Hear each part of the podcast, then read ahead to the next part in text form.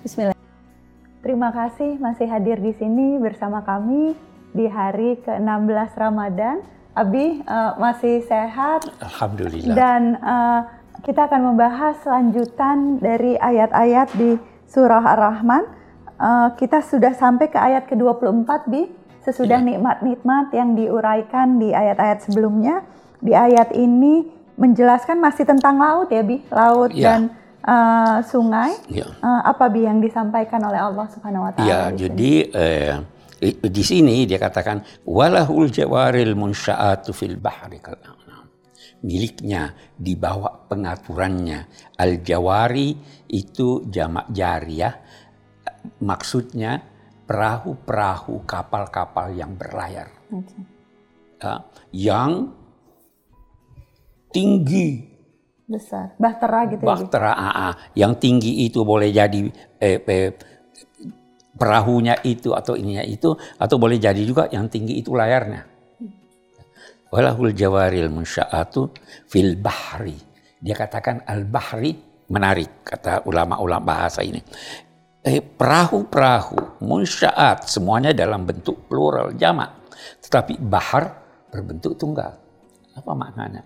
Bahwa kalau Anda melepas pandangan di satu laut yang terbatas, Anda bisa mendapatkan sekian banyak. Jadi begitu eh, luasnya laut ini, sehingga di satu laut aja, satu bagian dari laut aja sudah dapat menampung sekian banyak perahu-perahu. Nah, kita lihat kembali, walahu miliknya, dibawa kendalinya. Bahtera-bahtera itu semuanya milik Allah. Bagus. Kalau dulu mereka berkata, eh, tajri riyahu bimala tashtahis sufunu. Itu angin menghembus bukan atas sesuka pun perahu. Betul. Bukan bukan oh, tergantung nahkodanya. Bukan. Ha, kalau di dalam dalam eh, eh, sejarah modern Titanic. Betul. Betapa hebatnya sehingga eh, eh, eh, eh, pembuatnya itu berkata Tuhan pun tidak bisa menenggelamkan. Ah, lihat, walaupun Titanic dengan segala kemegahannya semua di bawah kuasa Allah. Walahul jawaril munsya'atu fil bahri kal a'am. Seperti halnya bisa kita katakan alam, alam bisa berarti bendera, bisa juga berarti gunung. Ah, satu hal dalam bahasa Indonesia kita mau lihat kaitkan ini kata alam. Alamat Kenapa alamat itu dinamai alamat? Alam itu tanda. Nah, di rumah siapa? Alamatnya apa? Tandanya apa? Maka kita dalam dalam abad modern memberi nama. Hmm, nama jalan, nama jalan, nomor rumah, nomor rumah eh, rumahnya warna dicat sini itu tanda. Nah, itu alam. Ilmu juga begitu itu tanda yang mengantar Anda eh, eh, eh, menuju kepada Tuhan, menuju kepada hakikat. Nah, kalau tanda itu jelas sekali, maka dia ini dinamai alamat. Jadi dalam bahasa Indonesia itu alamat yang jelas, mubazir itu. Iya, harusnya kalau semua alamat udah jelas. Sudah gitu ya. harus ya. jelas. Oke, okay. okay. kalau alam, fabi ayyi ala rabbikuma tukadziban setelah menjelaskan aneka nikmat mulai matahari, bulan, eh, eh, bintang-bintang, uh, uh, manusia, jin dan sebagainya. Di sini dikatakan kullu man 'alaiha fan. Segala apa yang ada di alam raya ini fan, akan binasa. Tetapi binasanya bukan berarti akan tiada Okay. Yang mati itu ke, kematian itu bukan ketiadaan. Hanya ketiadaan berada di bumi. Okay. Jadi segala sesuatu ini, ah, dikatakan man. Man itu dalam bahasa Arab menunjuk kepada sosok yang berakal. Okay. Jadi ini ayatnya ditujukan pada manusia, uh, pada jin, jin berakal juga kan? Uh, uh, ya, tetapi mari kita lihat lagi. Semua yang ada di bumi, baik yang berakal maupun tidak, akan binasa. Okay. Uh, kalau yang berakal saja bisa binasa, apalagi, apalagi yang tidak, ya kan? Itu, itu. Kudu. Jadi bukan berarti ketiadaan. Yang mati itu masih ada Untuk apa dia masih ada? Karena ada pertanggungjawaban khusus bagi man. Bagi yang berakal. Yang berakal. Yang tidak berakal tidak dituntut tanggung jawabnya. Anak kecil hmm. tidak, orang gila tidak. Oke, fabi ayyi ala'i rabbikuma tukadziban wa yabqa wajhu rabbika dzul jalali wal ikram. Yang akan kekal abadi adalah wajah Tuhan. Apa yang dimaksud dengan wajah Tuhan? Dulu ulama-ulama tidak mau menafsirkan ini. Hanya Allah yang tahu apa maksudnya wajah. Tapi ulama-ulama yang lain yang datang kemudian itu berusaha memahaminya secara metafor. Mari kita lihat. Eh, saya bisa tahu satu orang siapa dia walaupun terbungkus semua badannya, tertutup semua badannya, kalau terbuka wajahnya.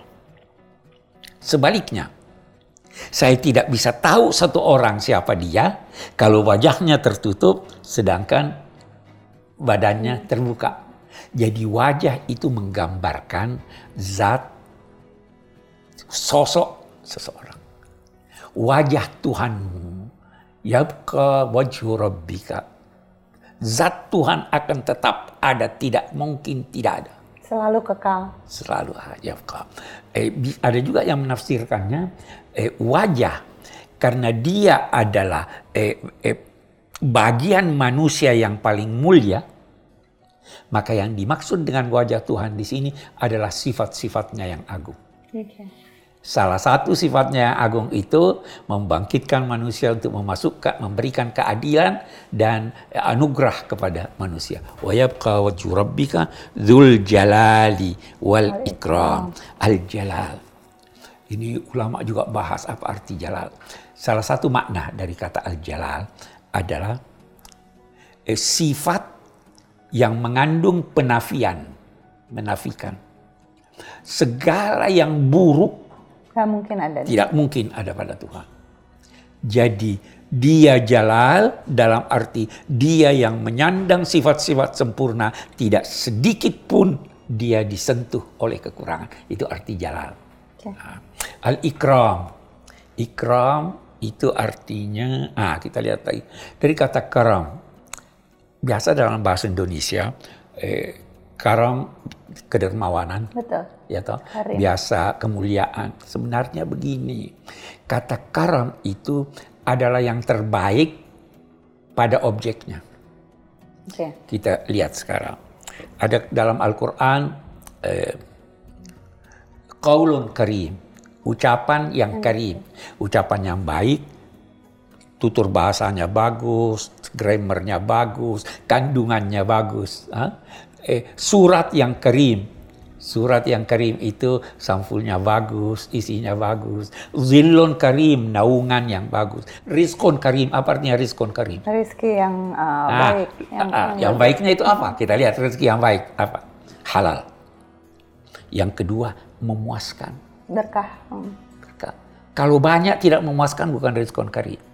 Zaujun karim. Pasangan yang ini. Apa? Eh, pasangan yang, yang, yang serasi, yang gagah menurut yang melihatnya, yang cantik. Itu ah, jadi kata karim bisa mencakup 16 hal dihitung sebagian ulama. Ada 16 hal yang dicakup oleh kata karim. Misalnya sekarang eh, ada yang berkata, dia yang kecil hati kalau Anda tidak bermohon kepadanya. Dia yang memberi apa yang Anda tidak minta.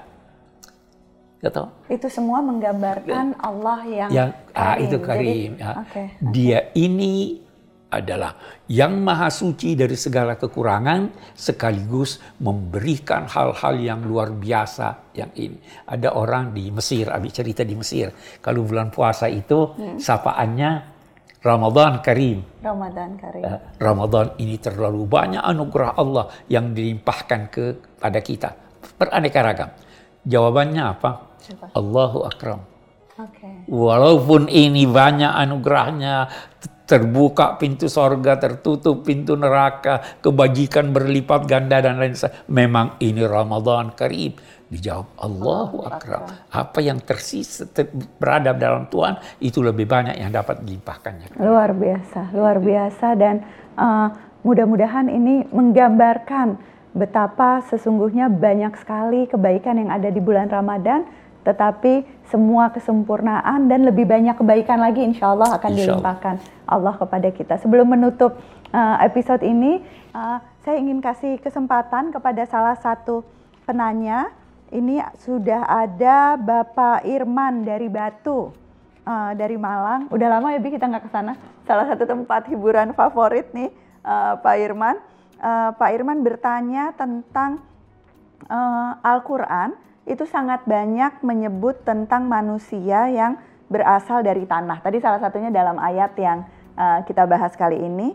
Namun mengapa berbeda-beda tanah yang disebutkan dalam Al-Quran? Nah untuk menjawab pertanyaan Pak Irman ini, saya ingin memberi kesempatan kepada Ustazah Askiatut Tahiyah salah satu alumnus dari Pendidikan Kader Mufasir Pusat Studi Al-Quran. Silahkan Ustazah. Assalamualaikum warahmatullahi wabarakatuh. Teman-teman yang dimuliakan Allah, di video kali ini kita akan membahas mengapa banyak ayat Al-Quran yang menunjukkan awal proses penciptaan manusia dari berbagai macam tanah. Nah, sebenarnya ayat-ayat ini tidak saling bertentangan, melainkan menunjukkan adanya tahapan atau proses dari penciptaan tersebut. Awal dari proses penciptaan manusia yaitu berasal dari tanah yang disebut dengan turab. Seperti disebutkan dalam surat Ali Imran ayat 59, Inna masala Isa indallahi kamasali Adam khalaqahu min turab. Kemudian dari turab atau tanah ini berproses dicampur dengan air sehingga menjadi tanah liat atau tanah basah yang disebut dengan tin. Seperti disebutkan dalam surat As-Sofat ayat 11, Inna khalaqnahum min tinil lazib. Kemudian dari tanah liat ini dibiarkan sehingga menjadi tanah lumpur yang berwarna hitam yang disebut dengan hamaim masnun.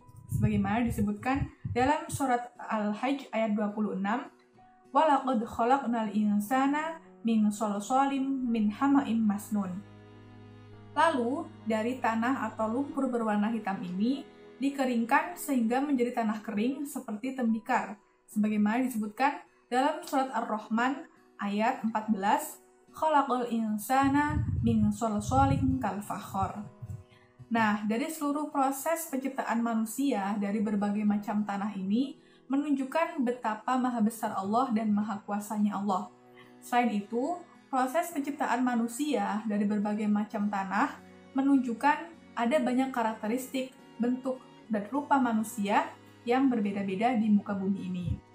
Allah alam, sekian, semoga bermanfaat.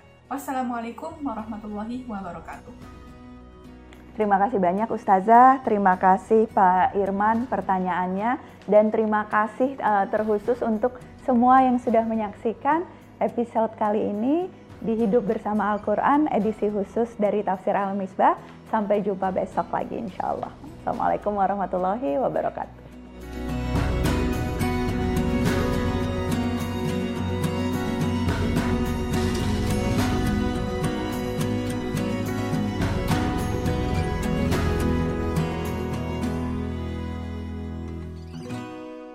Pendidikan Kader Mufasir adalah salah satu program dari Pusat Studi Al-Quran. Program intensif khusus bagi peserta yang sudah mendalami ilmu tafsir di perguruan tinggi dan berhasil lolos seleksi dari seluruh Indonesia. Selama enam bulan sampai satu tahun, para kader ini mendapat pengayaan serta mentoring ilmu-ilmu Al-Quran lainnya dari Dewan Pakar PSQ. Program ini bertujuan melahirkan mufasir yang mumpuni serta mampu menghasilkan karya untuk kemaslahatan umat.